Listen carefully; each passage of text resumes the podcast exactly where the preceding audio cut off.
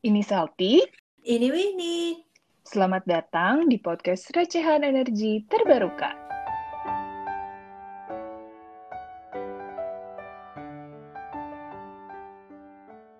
Episode kali ini merupakan episode dengan format interview kita yang pertama ya Win. Setelah sebelumnya di episode 0 sampai 2 cuma kita berdua aja nih yang ngobrol. Nah, episode kali ini kami mengundang salah satu teman kami yang dulu sama-sama kuliah di Teknik Fisika ITB. Dia tuh termasuk yang pinter banget dan baik banget. Apalagi Winnie sempat sering sekelas bareng ya sama dia, karena kalau di jurusan kita tuh satu angkatannya dibagi dua kelas sebenarnya ya. Iya, dulu kan dibagi kelasnya itu berdasarkan NIM genap dan ganjil ya. Nah, kebetulan kami sama-sama di kelasnya ganjil. Dulu dia nih tuh suka ngajarin kami-kami yang kalau mau ujian tuh kayaknya susah banget buat belajar sendiri. Sampai dia juga suka ngasih contekan kalau ada PR yang susah. Pokoknya anaknya baik banget. Nah, setelah lulus S1, dia kemudian melanjutkan kuliah S2 di Eropa dan berkarir di solar PV industry dari lulus sampai sekarang. Interview ini akan kami bagi menjadi dua episode. Di episode kali ini akan membahas mengenai latar belakang pendidikan, termasuk pendidikan S2, dan juga sedikit mengenai karir di dunia solar PV industry. Kemudian di part 2 atau episode berikutnya, kami akan membahas lebih dalam mengenai karir di solar PV industry, juga harapan dan tantangannya terhadap solar PV industry di Indonesia. Langsung aja kali ya, kita sambut ini dia Victor Samuel. Terima kasih ya Victor udah meluangkan waktunya buat Oke, join di sama-sama. podcast kita. Nah, mungkin Hmm. eh, Victor nih bisa cerita dikit nih tentang perjalanan akademisnya dulu. Mungkin sekilas lah Hmm. SMP, SMA, terus kuliah S1, terus kan S2 juga ya. S1-nya deh, sampai kenapa Hmm. kepilihan milih buat teknik fisika gitu. Ya, ya aku dulu em, lahir dan besar di Jakarta, kemudian SD, SMP, SMA di Jakarta sih, SMP 115 Tebet, kemudian SMA di SMA 28 di, em, Pasar Minggu, kemudian kuliah bareng kalian di FT ITB. Kenapa ke FT? Ya karena karena dulu ya aku kan suka fisika ya. Em, jadi mikir-mikir apa ya? Ya jelas-jelas ya teknik fisika gitu kan. Jelas ada nama fisikanya gitu. Mungkin karena aku sebenarnya kurang pergaulan aja sih sebenarnya. Jurusan lain kan sebenarnya teknik elektro gitu juga kan ada fisika-fisikanya ya. Cuman dulu ngerasa kayak teknik elektro udah, udah orang udah banyak yang ke sana gitu kan. Jadi aku pikir-pikir udahlah cari sesuatu yang jarang didengar. Teknik fisika kan siapa yang tahu gitu ya. Terus akhirnya ya udah deh milih itu sebagai pilihan pertama. Terus lolos diterima masuk SPMB. Akhirnya masuk di situ teknik fisika. Um, Menyesal nggak? S2 enggak lah tidak Oh, ada tidak ada yang lebih baik menurutku sih. Bijak nah ya terus um, nah kenapa waktu itu juga bukan ke fisika FMIPA-nya karena aku pikir ya pengen lebih mendalami ilmu yang praktis ya. Jadi nggak cuman nggak cuman di tataran teori tapi juga lebih mendalami hal-hal yang bisa eh, berguna secara praktis. Makanya aku pilih teknik fisika. Dan akhirnya S2 juga eh, akhirnya milih di bidang energi terbarukan sih. Masih organisasi beasiswanya dan institusi pendidikannya sama kayak Winnie ya. Jadi KIC Indo Energy nah, dari situ aku kuliah di TU Eindhoven tahun pertama kemudian tahun keduanya di KTH Stockholm Swedia ya.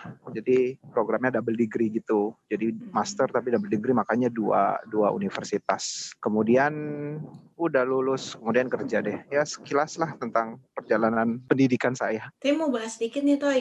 Eh, Ah, boleh, dulu boleh. tuh seinget aku ya, Victor tuh anaknya tuh nanoteknologi banget gitu, yang kayak fisika kuantum, nano, pokoknya kayaknya kalau dulu tuh di labnya juga udah lab yang beda level gitu.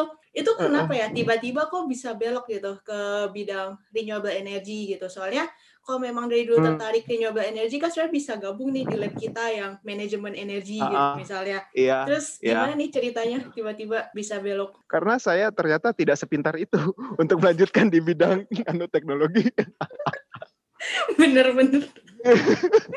Jadi eh, bener-bener dulu tuh aku kan anaknya nggak mau yang terlalu mainstream kan. Kira-kira yang banyak kayak misalnya dulu kan yang paling banyak digemari kan instrumentasi kan kontrol kan banyak yang ke sana gitu. Aku pikir ah rame ke sana cari yang lain lah. Kayaknya yang paling maju canggih itu kan waktu itu ya labnya Pak Hermawan kan komputasional material gitu. Maksudnya dari nama labnya aja udah nggak kebayang gitu kita ngapain gitu kan. Jadi sesuatu yang menurut aku ya menantang gitu. Tapi setelah dijalani ternyata susah beneran gitu.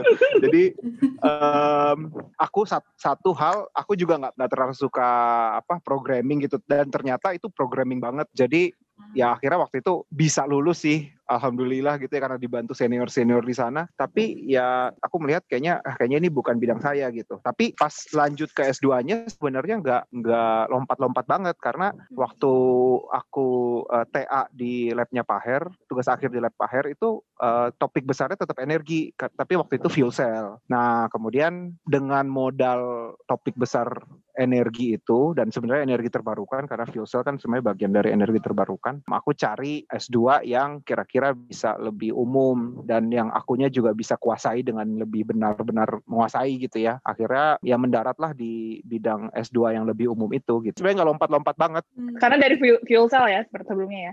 Nah terus nyambung hmm, ke S2-nya. S2-nya jurusan jur, nama jurusannya tuh apa tuh? Um, nama jurusannya agak panjang sih uh, singkatannya SELEC.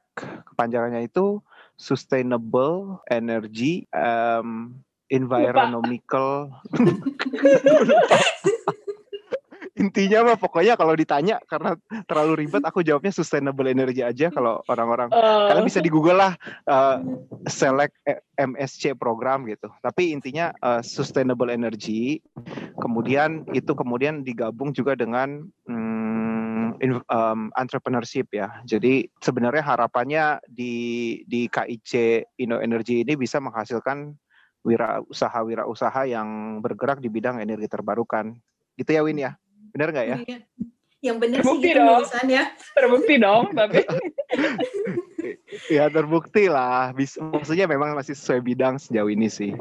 Tapi dulu sebelumnya jadi uh, beasiswanya dulu terus jurusan atau jurusannya dulu terus kemudian beasiswa atau dia sepaket gitu? Nah, ini bicara bicara beasiswa ya. Ya sebenarnya sih dulu aku kan memang cari beasiswa dan memang karena memang masih mau di bidang energi terbarukan cari-cari beberapa ya. Dan memang yang nyangkut itu ini KIC Energy ini um, untuk yang KIC Energy ini waktu di angkatan aku ini dia masih sepaket. Jadi semua yang masuk situ dapat beasiswanya gitu. Jadi semua yang terdaftar di program itu dapat beasiswa. Tapi aku agak beruntung juga sih karena waktu itu aku angkatan pertama, angkatan pertama yang intake-nya itu yang masuknya dari uh, TU Eindhoven. Jadi uh, belum terlalu terus terang kayaknya belum terlalu banyak saingan gitu. Jadi karena ini baru, um, jadi ditawarkan kepada beberapa orang yang waktu itu sebenarnya mendaftarnya tuh di uh, Sustainable Energy Technology Eindhoven waktu itu.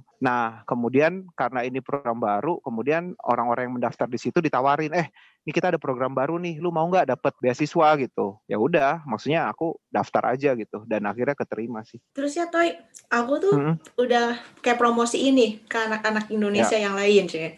Hmm. Biar apa namanya mereka tuh daftar juga Indo Energy, tapi ternyata banyak ya. juga yang nggak pada lulus. Jadi hmm. menurut Victoria hmm. ada tips and trick nggak sih? Sebenarnya gimana sih biar bisa keterima beasiswanya? Misalnya motivation letternya tuh harus kayak gimana? Atau mungkin harus deketin profesor dari dulu yang kayak Pak Hermawan uh, gitu biar bisa dapat rekomendasi uh, yang bagus atau harus gimana nih? Kalau aku sih menurut aku yang tadi aku bilang ya aku sih agak beruntung karena mungkin saingannya belum banyak ya. Um, waktu itu karena programnya masih baru. Nah, tapi kalau misalnya sekarang udah lebih terkenal programnya, kemudian saingannya juga lebih banyak. Hal-hal yang basic standar sih motivation letter, kemudian TA-nya juga harus nyambung. Itu sih standar sih. Jadi ya teman-teman bisa Google sendirilah bagaimana bikin motivation letter yang baik ya tapi hal yang tadi aku sebut juga penting juga sih. Jadi apa yang kita kerjakan saat kamp di kampus itu, kalau dalam kasus aku tuh TA-nya itu bisa jadi sesuatu yang diangkat gitu. Bahwa eh dulu waktu tugas akhir atau skripsi, memang bidang saya tuh sustainable energy Nah itu uh, kalau misalnya ada waktu bisa diarahkan lah supaya apa yang dikerjakan proyek-proyek kampusnya itu sejalan dengan program beasiswa yang yang ditawarkan gitu. Nah sisi lain untuk bisa memperbesar peluang masuknya juga kalau aku lihat ya amati ya itu banyak teman-teman yang akhirnya diterima itu mereka punya pengalaman kerja yang memang sesuai jadi punya exposure atau pengalaman yang memang di bidang ini gitu dan itu itu menjadi modal besar untuk akhirnya dijual di saat tulis motivation letter menurut aku sih itu sih jadi kalau misalnya kalau sekarang uh, kalau misalnya belum berhasil masuk ya bisa coba dengan misalnya uh, kerja dulu di industri energi terbarukan gitu kemudian nanti sambil coba lagi tahun depannya untuk S2. Itu bisa jadi salah satu modal yang kuat sih karena ada dua nih, ada kalau aku perhatikan ya ada dua pola zaman aku dulu ya. Dia ngambilnya dari jalur akademis akademiknya jadi misalnya IP-nya bagus atau TA-nya sesuai gitu ya atau yang memang pengalamannya itu bagus gitu Nah kalau dulu saya kan modal IP doang gitu kan karena nggak pernah pengalaman kerja gitu. IP doang tapi empat. gak gak gak empat gak empat. Tapi super cum laude. super cum laude apa? Nah jadi maksud saya kalau IP-nya tidak cukup tinggi, jangan kecil hati karena kalau lihat teman-teman yang di sana tuh ya udah ada yang punya pengalaman uh, eh, IP-nya biar nggak terlalu tinggi-tinggi amat, tapi karena punya pengalaman kerja di bidang energi gitu, itu bisa masuk juga gitu.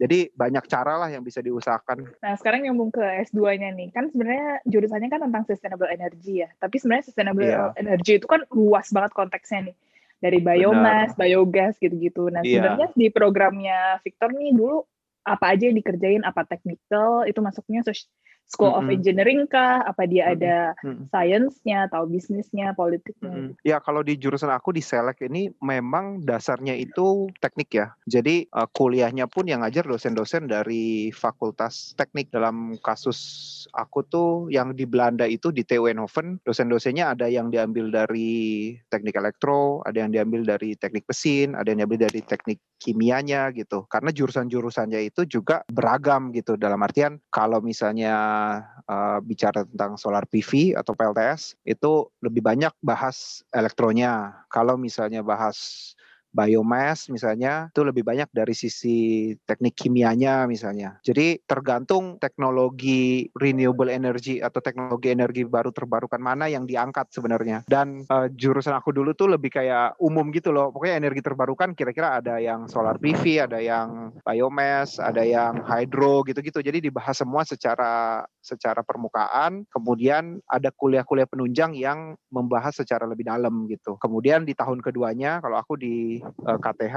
itu lebih banyak project basis ya. Jadi bikin project yang memang misalnya waktu itu project aku adalah bikin satu sistem yang itu bisa dibangkitkan dari berbagai jenis pembangkit ya. Jadi ada solarnya, kemudian ada windnya, kemudian bagaimana itu diintegrasikan dengan biomass. Jadi harus jadi satu project yang yang memang nggak sampai full sih, tapi minimal satu bagian dari project yang membahas itu semua. Memang kalau aku di jurusan aku ya tidak dalam-dalam banget, tapi minimal kita punya gambaran oh secara umum renewable energy itu seperti apa gitu. Dan kalau di jurusan aku tuh ada mungkin 20-30 persen itu bicara tentang bis, aspek bisnisnya gitu. Jadi kami diajarkan bagaimana hmm, bikin bisnis pitch deck, bagaimana bikin financial projection, bagaimana mengembangkan unique selling proposition dan lain-lain yang berkisar dari teknologi uh, energi terbarukan. Itu sih yang kami pelajari waktu itu ya. Terus dari kuliahnya sendiri ya, kan ada dua -hmm. nih, di Eindhoven sama di KTH. Itu yeah. saling berhubungan gak sih? Atau itu totally different aja gitu? Saling berhubungan dalam tema besar. Tema tema besar energi terbarukan ya. Tapi memang aspek yang diangkat tuh beda gitu. Kalau yang di tahun pertama itu lebih banyak survei secara umum, kemudian kuliah-kuliah dasarnya gitu ya. Jadi misalnya dasar elektronya itu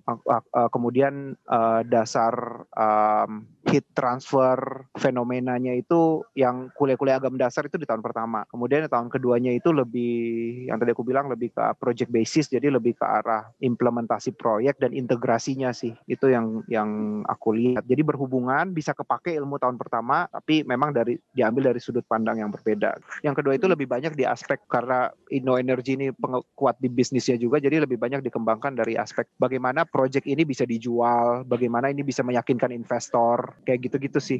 Jadi banyak aspek non teknis yang kita juga angkat di tahun kedua. Tapi sebenarnya program itu tuh isinya nggak hmm. cuma dari Indo Energy itu kan ya, program lain juga kuliah di itu kan, atau atau jurusan itu khusus untuk program Indo Energy? Iya, jadi ya ini sedikit promosi ya Kick Energy. Jadi Kick Energy itu sebenarnya satu lembaga yang didirikan oleh uh, Uni Eropa ya. Jadi mereka tuh tujuannya supaya bisa mengembangkan perekonomian atau bisnis yang dasarnya tuh uh, energi terbarukan gitu. Sebenarnya core bisnis mereka itu bukan pendidikan atau bukan beasiswa, tapi core bisnis mereka justru sebenarnya semacam inkubator. Jadi uh, menemukan bibit-bibit inovasi yang akhirnya mereka bisa kembangkan kemudian dijual atau menghasilkan produk di masyarakat gitu ya. Tapi untuk bisa mencapai itu salah satunya adalah mereka bikin program beasiswa. Nah, program beasiswanya itu mereka bekerja sama dengan kampus-kampus yang sudah existing di e, Eropa ya. Dan sifatnya konsorsium. Makanya terdiri dari beberapa negara. Ada yang di Belanda ada yang di uh, di Jerman di di kalau ini itu di Spanyol di Perancis uh, di Polandia juga ada. Dan karena di Eropa sifatnya itu bisa saling mengakui kredit satu sama lain gitu loh.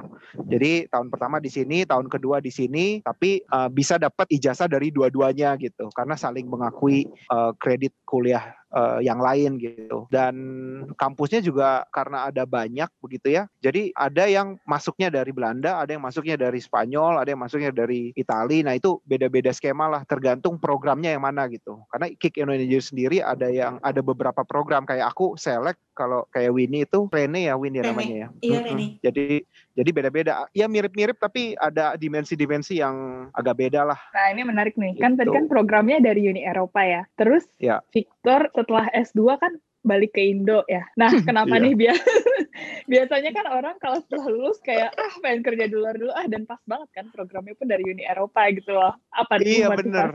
Iya, sebenarnya saya bukan penerima beasiswa yang baik karena tidak berkontribusi untuk ekonomi Eropa sebenarnya. Nggak, tapi sebenarnya gini sih, uh, waktu itu saya um, kesulitan sebenarnya um, mencari pekerjaan di Eropa. Jadi bukannya nggak mau ya, karena waktu itu waktu saya lulus itu Eropa lagi lagi dalam kondisi yang nggak terlalu bagus secara perekonomian. Itu zaman zamannya ingat gak zaman Yunani itu uh, ada krisis oh, ekonomi. Refugee. Kemudian, oh, bukan. Mm, mm, uh, ya, itu juga. masalah ekonomi, terus refugee juga. Kemudian bahkan di negara maju kayak di negara saya di tempat saya kuliah dulu di Swedia juga uh, kayak Ericsson itu juga memphk-kan belasan ribu orang gitu. Jadi waktu itu kondisi perekonomian di Eropa juga nggak terlalu bagus. Dan saya waktu itu nyari kerjanya di Swedia gitu. Dan uh, memang lebih sulit relatif sulit mencari kerja di Swedia waktu itu karena memang diutamakan yang bisa bahasa lokal waktu itu di sana. Dan akhirnya setelah berapa bulan nyari, akhirnya izin tinggal saya habis, akhirnya ya pulang ke Indonesia. Jadi sebenarnya kondisi juga sih yang membuat akhirnya saya pulang ke Indonesia. Sebenarnya pengennya sih kerja di di sana waktu itu cari pengalaman gitu kan. Tapi eh, nggak uh, ketemu akhirnya pulang ke Indonesia dan memang nyarinya yang memang masih sesuai gitu di energi terbarukan. Meskipun waktu itu di Indonesia energi terbarukan juga belum belum banyak, banyak banget gitu. belum booming. Kayak mas, apa keluar mulut buaya masuk mulut harimau. ya itu dia. Tapi ya bagaimanapun ya karena karena di Indonesia rumah sendiri jadi ya nggak ngaruh izin tinggal gitu. Tapi Victor dulu nggak kepikiran nih buat lanjut S3. Apalagi kan Inno Energy juga sebenarnya over program S3 juga gitu. Bisa bisa nyambung mungkin. Iya, aku pikir dulu karena mungkin udah bosan sekolah ya, uh, pengen cari pengalaman kerja dan ya sebenarnya Indo Energy sendiri kan sebenarnya inginnya mencetak orang-orang yang pengen berbisnis di, di, di energi terbarukan kan. Jadi aku pikir uh, aku tuh belum punya biasanya kalau orang pengen S3 tuh harus punya the burning question gitu. Apa sih permasalahan akademik yang ingin dijawab gitu. Dan waktu itu aku pikir ya aku juga belum tahu ada permasalahan apa yang harus aku jawab dengan aku studi S3. Akhirnya waktu itu memutuskan udah cari pengalaman kerja dulu. Nah, wow. terus nyambung ke karir sekarang karir nih karir hmm. di Indonesia. Hmm. Nah pas pulang terus pertama karir pertama apa nih? Langsung tentang solar kan ya? Iya benar. Jadi ya dengan berbekalkan ijazah di bidang energi terbarukan aku pulang pengennya dengan idealisme waktu itu ya pengen ber kontribusi berkarya dalam bidang energi terbarukan lah ya kan? Um, tapi waktu itu terus terang ya kepercayaan diri aku udah udah udah turun banget tuh sebenarnya karena udah berapa bulan nggak bisa dapat kerjaan di di di sana gitu kan di Eropa. Jadi aku pulang kemudian ngelamar-ngelamar dan justru ngelamarnya nggak nyari pekerjaan tetap sih. Pokoknya nyari perusahaan yang kira-kira ada proyek yang bisnisnya jalan gitu ya. Kemudian um, bidangnya masih sesuai dengan bidang aku gitu ya dan aku pun udah bilang ke mereka kalau ya saya nggak harus digaji nggak harus digaji lah pokoknya saya melamar sebagai karyawan magang biar bisa belajar dulu biar bisa cari pengalaman dulu gitu jadi waktu itu aku akhirnya diterima di satu perusahaan kontraktor atau EPC di bidang solar PV namanya Konten Energy. Di zaman itu, Konten Energy itu mungkin perusahaan solar panel swasta yang paling banyak proyeknya waktu itu. Karena dulu pilihannya masih sedikit. Kalau misalnya orang-orang lulusan energi terbarukan di luar negeri sekarang pulang ke Indonesia, pilihannya banyak sekarang. Banyak perusahaan udah mulai mulai aktif gitu ya, sudah aktif bahkan di bidang solar PV, wind turbine dan lain-lain. Tapi kalau zaman dulu memang pilihannya sedikit. Makanya akhirnya saya memutuskan ke sana dan demi bisa saya dapat pengalaman, saya bilang udah nggak usah uh, saya nggak usah digaji gitu. Akhirnya berkarirlah di situ. Satu bulan pertama jadi karyawan magang tanpa gaji sedikit pun, bahkan nggak ada uang makan waktu itu. Terus akhirnya setelah bulan pertama saya bilang ke,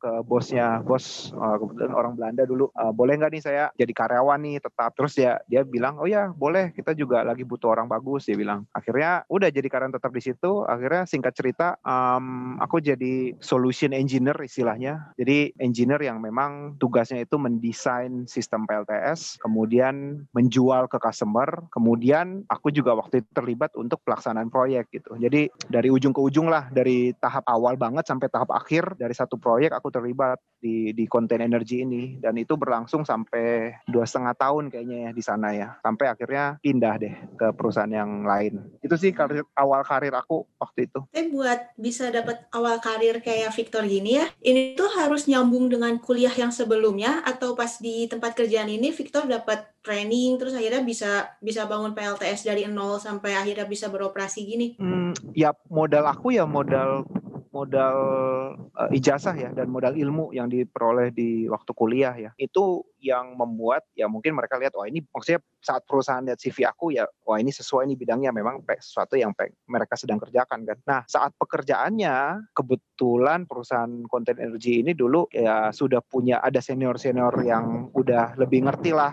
Jadi aku diajarin sama mereka untuk bagaimana desain, bagaimana pasang yang sesuai dengan standar industri gitu. Karena apa yang kita pelajari di kuliah itu biasanya ada sedikit perbedaan dengan standar industri atau apa yang dikerjakan best practice-nya di industri gitu. Jadi akhirnya di, di content energy yang aku benar-benar baru oh sebenarnya standar industri itu seperti ini. Oh uh, unique selling point dari perusahaan tuh seperti ini. Ya, itu benar-benar realnya ya aku rasakan saat sudah di di, di konten energi ya. Nah, terus setelah dari konten kan, bahkan kita baru tahu nih ya, kita tahunya bahwa Victor ya.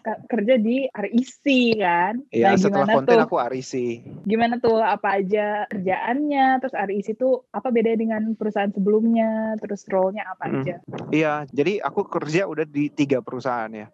Pertama konten energi, kemudian uh, eh, RIC, kemudian yang terakhir yang sekarang ya agak baru itu ATW. Cuman aku mungkin cerita sedikit yang yang Arisi karena uh, aku paling lama justru di sana gitu kurang lebih empat tahunan itu di Arisi jadi waktu itu Arisi mau istilahnya tuh jadi mungkin perkenalan sedikit ya. Arisi ya kalian juga udah coba promosi ya di episode-episode sebelumnya. Sudah disebut namanya Arisi. Sebagai pabrikan yang pertama kali disebut. Makasih loh udah promosi. Udah dengerin podcast kita. Oh iya dong kan aku harus tahu isinya kira-kira bakal gimana. Nah jadi REC itu adalah pabrikan solar panel lah intinya ya. Pabrikan solar panel uh, asal Norwegia yang punya pabrik di Singapura. Nah, mereka itu bikin solar panel itu tapi bukan bukan solar panelnya doang, tapi juga solar panel kemudian sel solar selnya juga bahkan wafernya juga gitu. Jadi prosesnya itu agak integrated lah. Uh, kemudian waktu itu mereka mau ekspansi ke Indonesia. Mau ekspansi bukan pabrikannya tapi mencari market di Indonesia gitu. Nah uh, tahun 2000 waktu itu 2000 berapa ya? 2016 Sun itu ya kalau nggak salah. Itu kalau Shelty masih ingat tuh ada tender-tender IPP tapi oleh ESDM bukan oleh PLN. Kalau sekarang kan tendernya udah oleh PLN kan. Kalau dulu tuh ada tender ESDM yang kalau salah tarifnya masih masih sangat tinggi lah waktu itu ya 25 yeah, yeah. sen apa 20 sen. Nah, waktu itu ada pengembang yang akhirnya uh, pengen kerja sama Arisi waktu itu. Uh, dan sebenarnya Arisi itu waktu itu intinya pengen ngerjain proyek itulah dan mereka butuh engineer waktu itu. Mereka perlu engineer, akhirnya entah bagaimana bos Arisi di Indonesia waktu itu kenal dengan kolega aku di content energy dan si kolega aku di content energy itu rekomendasi, nih Victor deh coba lu uh, pakai aja untuk proyek lu gitu. Singkat cerita, ternyata REC tidak jadi mengerjakan proyek itu gitu.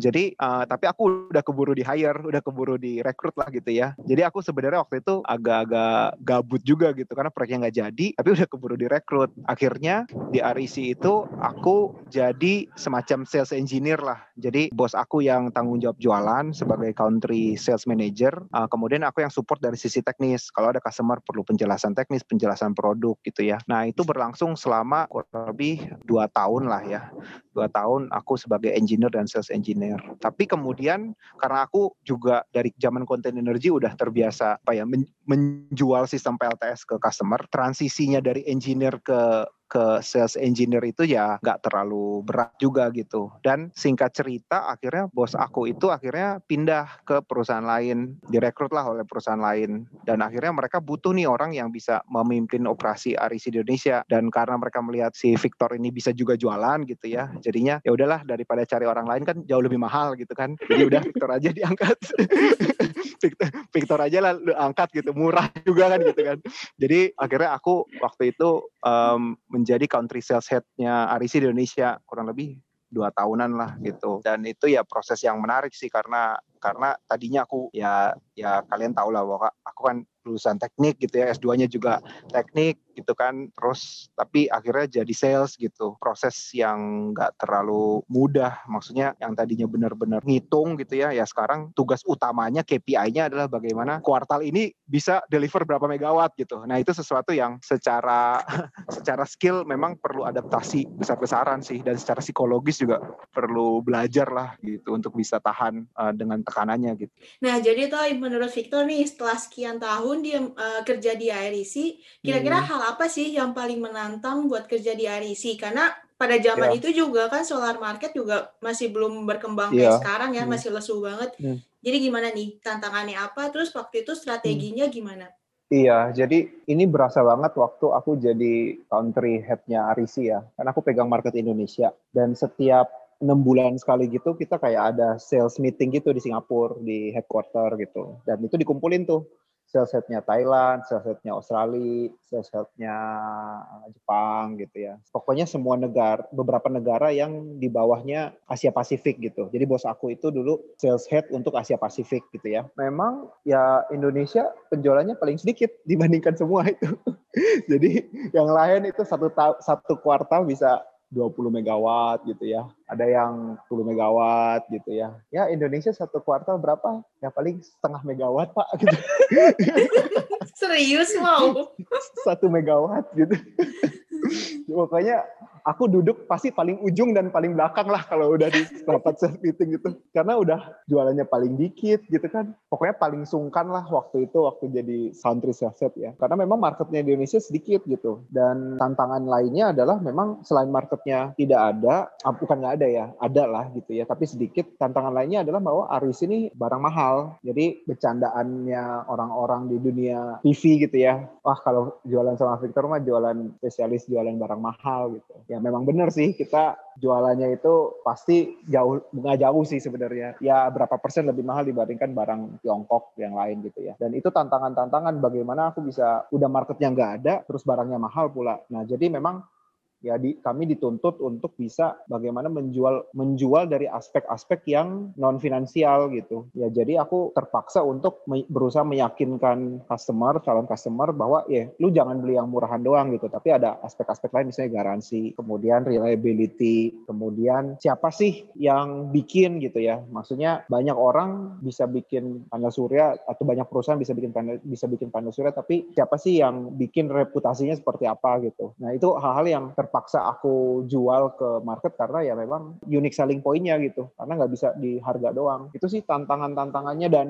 akhirnya ya nah dalam hal itu ilmu keteknikan jadi kepake tuh. Karena kan aku berusaha menjelaskan dari hal-hal non finansial kan. Jadi aku jelaskan dari sisi-sisi teknisnya gitu. Misalnya bicara efisiensi atau bicara misalnya kalau dalam bahasa PV itu bicara performance yang lebih yang tetap bagus meskipun suhunya tinggi gitu. Kalau teman-teman di PV kan tahu bahwa suhunya tinggi itu kan membuat efisiensi lebih turun. Nah, hal-hal seperti itu yang akhirnya aku pakai untuk bisa tetap jualan gitu. Dan itu sih kurang lebih tantangan-tantangan di di Indonesia. Tapi dari pengalaman dengan RIC ini sebenarnya membuat kapok nggak sih pabrikan-pabrikan lain nih yang luar sebenarnya buat ke Indonesia. Hmm. RIC sendiri masih ada atau masih udah? masih. Jadi sekarang di ATW kami tetap distributor RIC sih. Jadi hmm. kami tetap menggunakan solar panel RIC khususnya market yang residensial gitu. Karena RIC ternyata memang kuatnya itu di residensial market. Jadi market-marketnya RIC yang kuatnya di Australia misalnya, di Amerika, di Jepang itu memang uh, lebih banyak di market residensial. Dan aku sekarang di ATW juga menerapkan yang sama. Jadi RIC itu memang secara unique selling point itu kuatnya di residensial gitu. Karena di Indonesia apalagi ya, yang beli solar panel kan orang berduit lah ya. Gak mungkin orang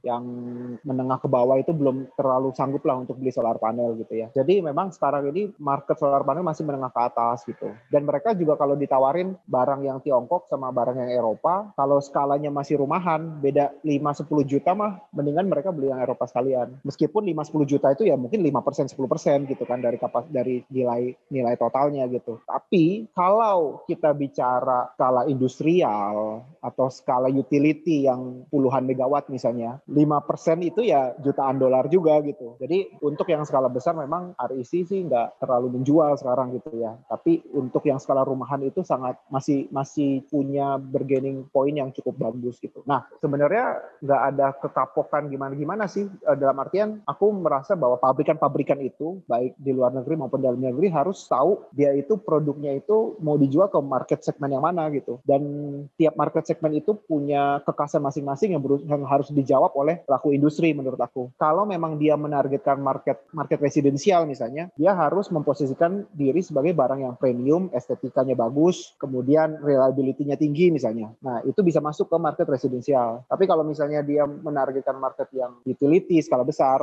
ya dia harus bikin produk berinovasi supaya harganya murah, kemudian bisa sesuai dengan keperluan-keperluan yang spesifik di bidang di skala utility gitu yang sekarang Winnie lagi kerjain kan gitu. Uh, terus ya menurut Victor sendiri supaya company-company kayak REC kayak karena di uh, apa ya Jinko Solar, Solar mungkin ya kayak gitu gimana caranya supaya mereka tertarik buat bangun manufakturnya itu di Indonesia jadi di Indonesia tuh nggak cuma hmm. distributornya aja lumayan kan kalau misalnya ada hmm. manufaktur tuh hmm. bisa narik tenaga kerja banyak nih pengangguran EBT mungkin jadi makin berkurang Gila banget ya pengangguran EBT tuh